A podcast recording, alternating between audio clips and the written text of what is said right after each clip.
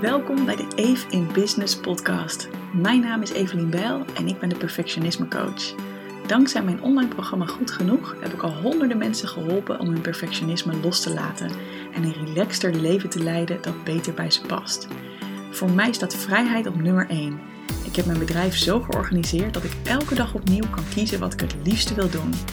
In deze podcast deel ik de behind the scenes van mijn business en geef ik je tips hoe jij ook meer vrijheid, plezier en succes in jouw bedrijf kunt krijgen. Enjoy!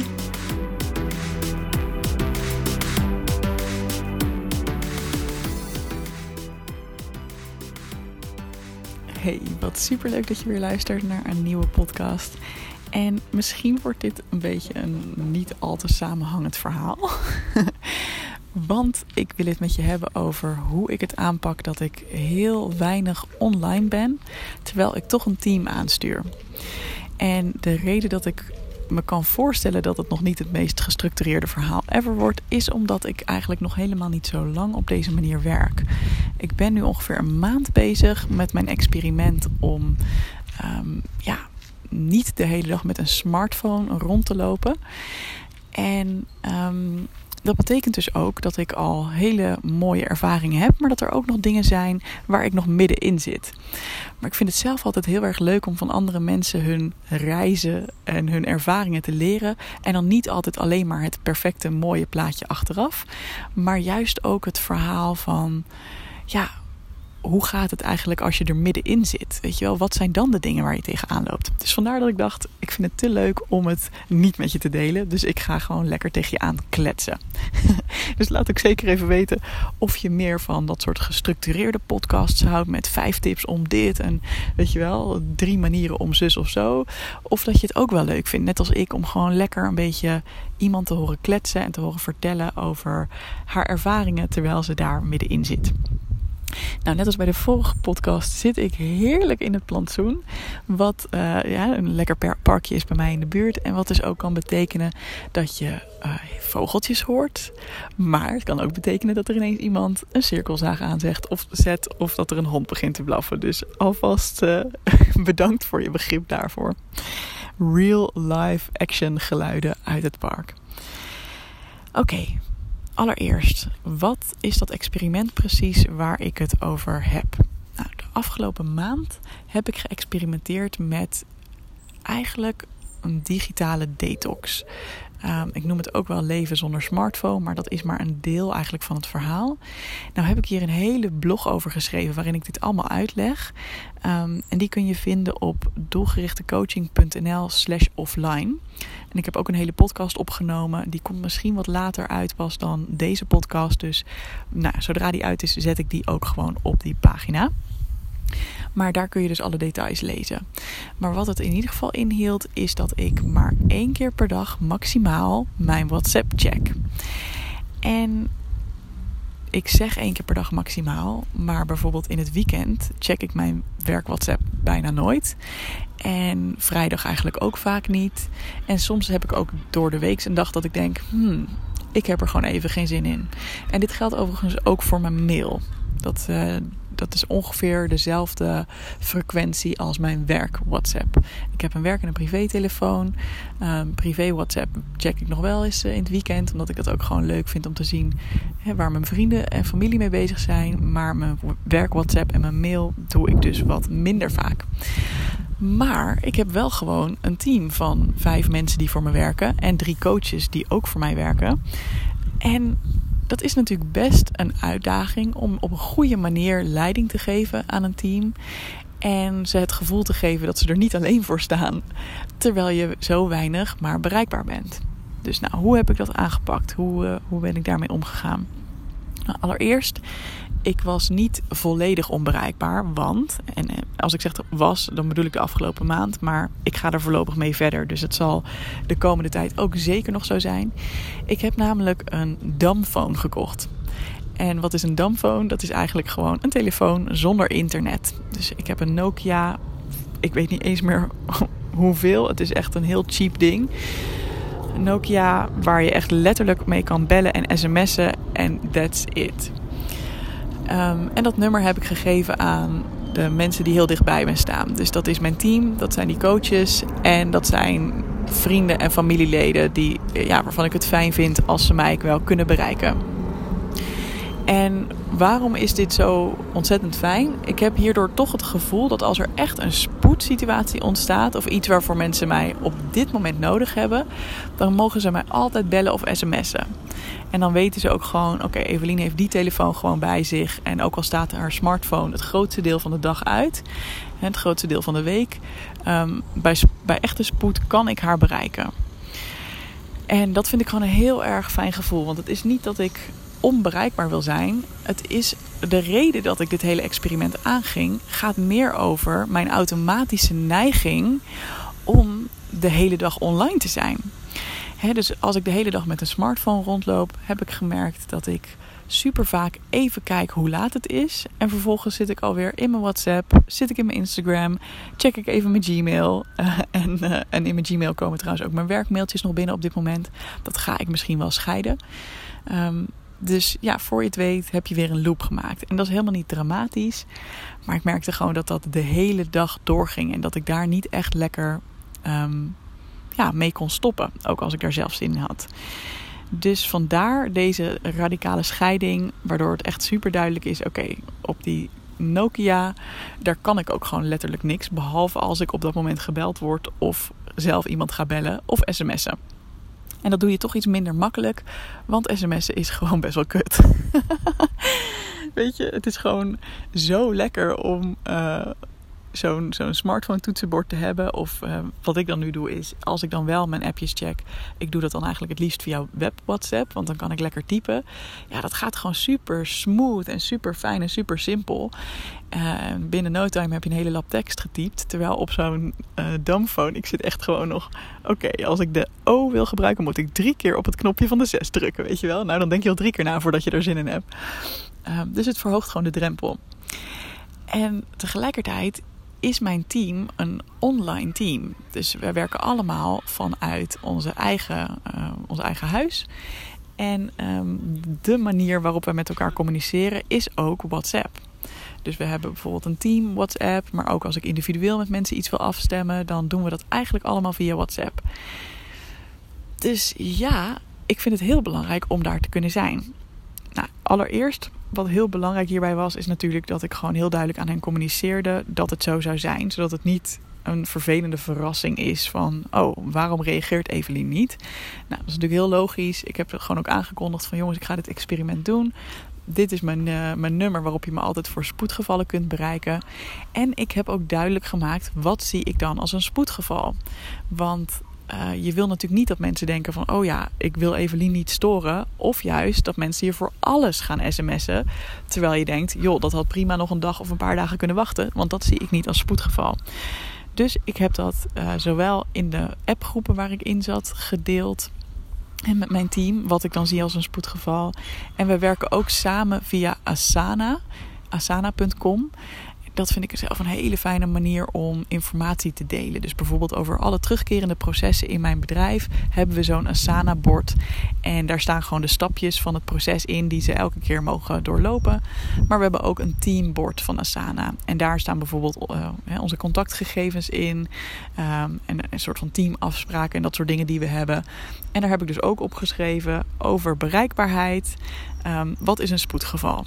Nou, in mijn geval is dat echt als er bijvoorbeeld iets aan de hand zou zijn met de site, waardoor geen enkele klant kan inloggen in ons uh, online programma, dat vind ik echt een spoedgeval. Dat is echt zo'n geval waarbij ik denk: oh ja, daar moeten we gewoon echt meteen wat aan doen, want dan hebben meerdere klanten er tegelijkertijd last van. Um, een spoedgeval is niet als er één klant een vraag stelt. Weet je, dat, dat kan mijn team in principe zelf afhandelen. Um, en ben ik daarbij nodig, dan is dat vaak ook gewoon helemaal prima als ik dan de volgende dag daarnaar kijk. Dus uh, nou, zo heb ik dat gecommuniceerd. Um, en ik heb bijvoorbeeld net ook even een sms'je gestuurd. Want ik voelde van, oh, het is vandaag dinsdag. Uh, dat is een dag dat ik normaal wel online ben. Maar um, ik voelde van, oh, misschien heb ik wel zin om gewoon lekker vandaag en misschien ook morgen nog helemaal offline te blijven. Maar er was gisteren in de de, de groeps WhatsApp met de coaches die voor mij werken een hele goede vraag gesteld van hey, hoe gaan we met deze specifieke situatie om? En daar heb ik toen al wel op gereageerd. Maar ik dacht van, hmm, dat zou best wel eens kunnen dat daar nog aanvullende vragen over zijn. Dus dat die coach die die vraag gesteld heeft, denkt, hmm, ja, voordat ik hier echt wat mee kan naar deze klant, ehm, wil ik dit of dit nog even checken of wil ik dit nog even weten. Dus ik heb dan nu uit mezelf, en dat is eigenlijk pas een van de eerste keren dat ik dat doe in een maand tijd, heb ik even die coach een berichtje gestuurd, een sms'je gestuurd, dus met mijn damphone. En aangegeven, joh, het zou kunnen dat ik vandaag offline blijf. Is er, heb je nog iets nodig? Weet je, laat het zeker weten als je nog iets nodig hebt in die specifieke situatie. Nou, ik kreeg meteen een berichtje terug. hey, wat fijn dat je dat even aangeeft. Ik denk niet dat het nodig is, want uh, ik ben nu al verder. En uh, nou, er zal waarschijnlijk vandaag niks meer van jou nodig zijn. Maar toch, dank je wel dat je het even aangeeft.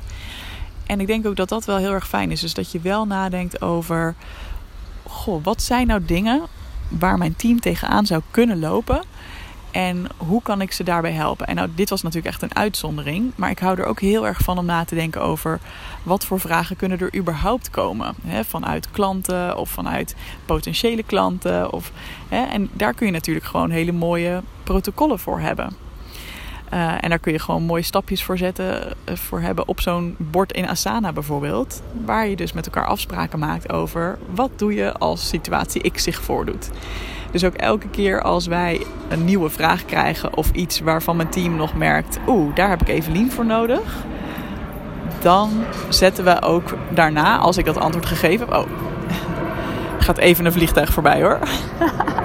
Lekker lawaaierig. Dus elke keer dat wij zo'n vraag hebben gehad en ik heb hem beantwoord, dan vraag ik ook: wil je hem ook even erbij zetten in Asana? En dan weet je gewoon vanaf dat moment hoef ik dus niet meer um, in te springen, zeg maar. Nou, ik deel dit dus vanuit natuurlijk mijn huidige situatie, waarin ik al een team om me heen heb opgebouwd. Um, maar ik hoop dat je het eerder gebruikt als inspiratie. Hè? Ook als jij nog niet zo ver bent dat jij al een heel team hebt. Want dat hoeft ook helemaal niet. Misschien kan jij wel één virtual assistant hebben die voor jou werkt. En waar jij precies dezezelfde afspraken mee maakt. dus bijvoorbeeld mijn team checkt in principe de meeste mailboxen. En checkt ook mijn social media en dat soort dingen. En pas als ze echt denken, oh ja, hier hebben we echt even jouw input voor nodig Evelien. Dan zetten ze dat naar mij op de app. Of in een spoedgeval via de sms. Maar dat is eigenlijk bijna nooit. Um, dus ook al zou jij bijvoorbeeld beginnen met één iemand die een paar uurtjes per week wat voor jou doet, dat zou al te gek zijn. En dat kan dus een virtual assistant zijn. Hè? Dus dat is gewoon iemand die hier ook helemaal zijn of haar werk van heeft gemaakt om jou op afstand te kunnen ondersteunen. Maar ja, inmiddels ben ik dus overgestapt naar een team van studenten. Die um, gewoon hartstikke slim zijn, hartstikke goed mij kunnen ondersteunen. Mijn doelgroep ook hartstikke goed snappen. En die het gewoon heel erg leuk vinden dat dit voor hun uh, hun bijbaan is en dat zij hieraan mogen bijdragen. Um, want zo'n virtual assistant dat kan best wel in de, in de papieren lopen. Dat kan best een kostbare investering zijn. Um, en zeker als je denkt van nou, ik weet nog niet hoeveel ik overhoud aan het eind van elke maand. Dan is het wel heel erg lekker om gewoon met een student te kunnen werken die ook gewoon hartstikke goed werk doet. En waar je misschien wat minder aan uitgeeft. Um, ik heb ook een hele aflevering over mijn team gemaakt. Een hele podcastaflevering. En die heb ik gedeeld op mijn andere podcast. Maar ik denk dat ik hem ook gewoon uh, hierop zet. Dus misschien als je dit luistert, heb ik die aflevering hiervoor al gezet. Misschien plak ik hem hierna of zet ik hem hierna in het schema. En dan, uh, dan kun je helemaal horen hoe mijn team eruit ziet. En ja, hoe ik dat aanpak en hoe ik dingen ben gaan uitbesteden. Want ik heb ook heel lang in mijn eentje gewerkt. Uh, ook vanuit het idee van, oh nee, investeren in andere mensen inhuren. Oeh, oeh dat is toch heel heftig. En uh, ja, kan ik dat al wel aan financieel? Ik moet toch eerst geld verdienen om het te kunnen uitgeven. Maar in die podcast vertel ik dus ook dat uiteindelijk het juist nodig was om te investeren in hulp.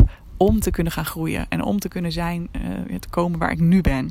Namelijk met een goed lopende business. Alright, ja, wat, wat zijn dan valkuilen? Hè? Dus wat kan er misgaan op het moment dat jij besluit: ik wil meer offline zijn, um, maar ik heb wel een team en uh, ja, hoe gaan we daarmee om? Nou, ik noemde het net al eventjes kort, maar um, als je niet lekker duidelijk aangeeft waarvoor mensen je wel en niet kunnen bereiken en je houdt dat een beetje vaag, dan zou het kunnen zijn dat je team denkt: oh, ze heeft geen WhatsApp meer, dus ik ga er gewoon de hele dag sms'en. dat is in mijn geval totaal niet zo, want mijn team is juist heel erg lief en wil mij juist niet te veel storen. Maar dat is goed om even over na te denken van, hè, in plaats van dat je het probleem gaat verschuiven, uh, dat je echt duidelijke afspraken maakt over waarvoor sms of bel je me wel en waarvoor niet.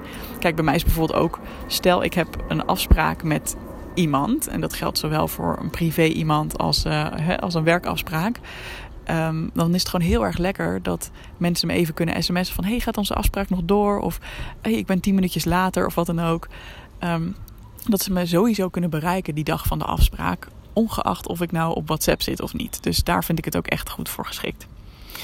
Nou, een tweede valkuil, en dat heb ik één keer een beetje lichtelijk meegemaakt, is dat je team juist zo lief is en je zo, uh, je team of je, je student of je VA, juist je zo niet wil eh, storen dat ze daardoor zelf een beetje in de problemen komen met hun tijd of met bepaalde dingen, omdat ze ja, toch maar blijven wachten op een antwoord, terwijl je misschien die dag pas veel later.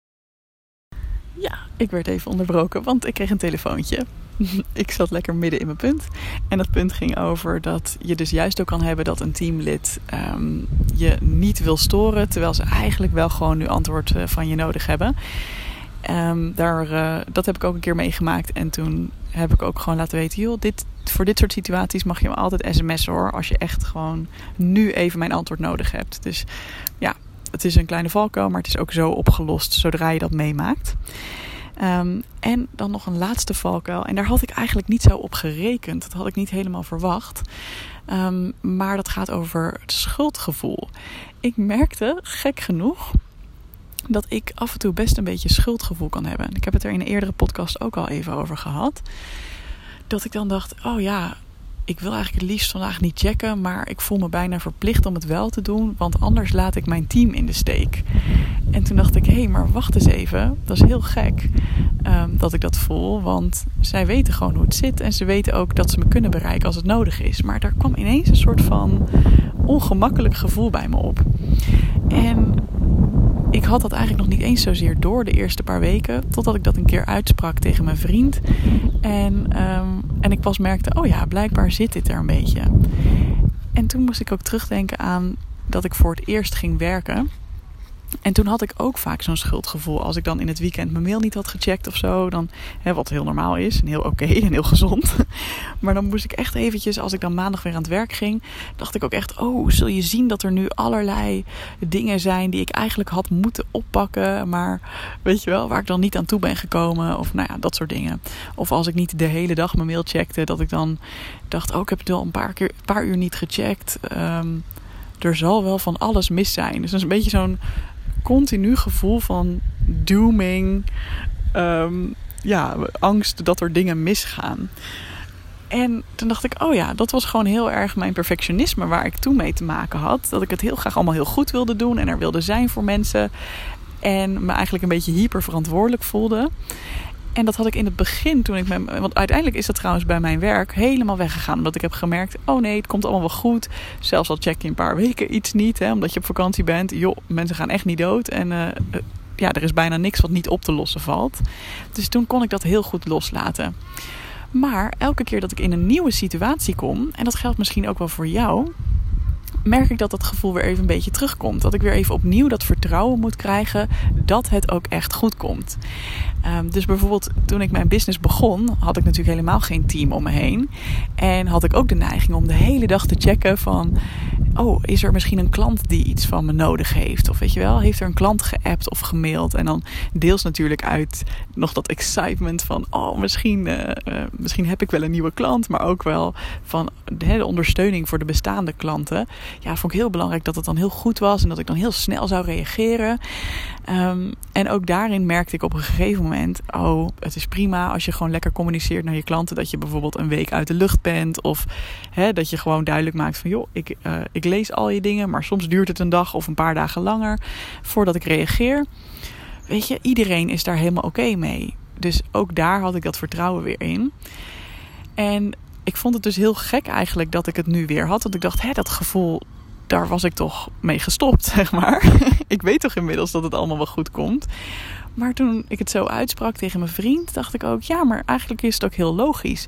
Want dat team heb ik pas sinds ongeveer een half jaar.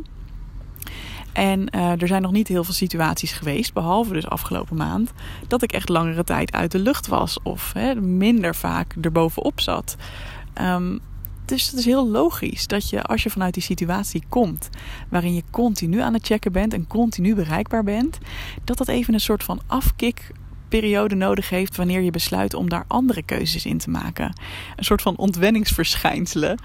En dat het ook gewoon even tijd nodig heeft om erop te vertrouwen van hé, hey, dit mag gewoon. Ik mag gewoon tijd voor mezelf nemen. Ik mag gewoon niet de hele dag bereikbaar of online zijn.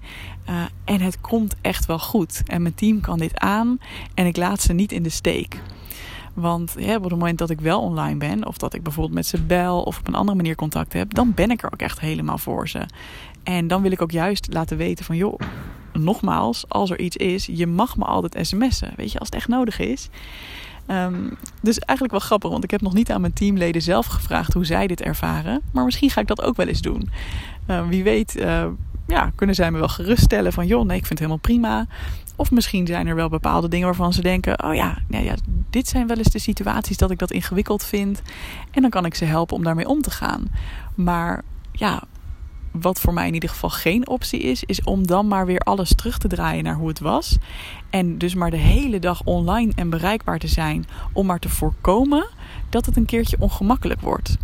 Want ik denk dat we dat heel vaak doen. Dat we onszelf tegenhouden om de keuzes te maken die echt bij ons passen.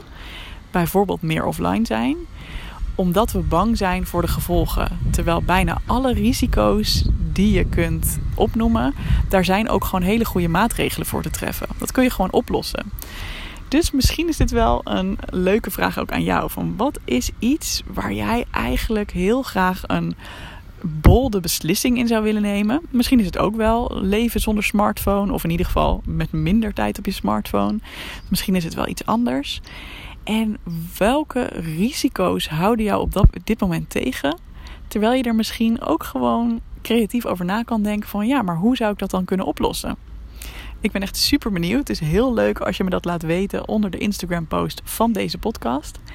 En uh, ja, heel graag tot de volgende. Doei doei!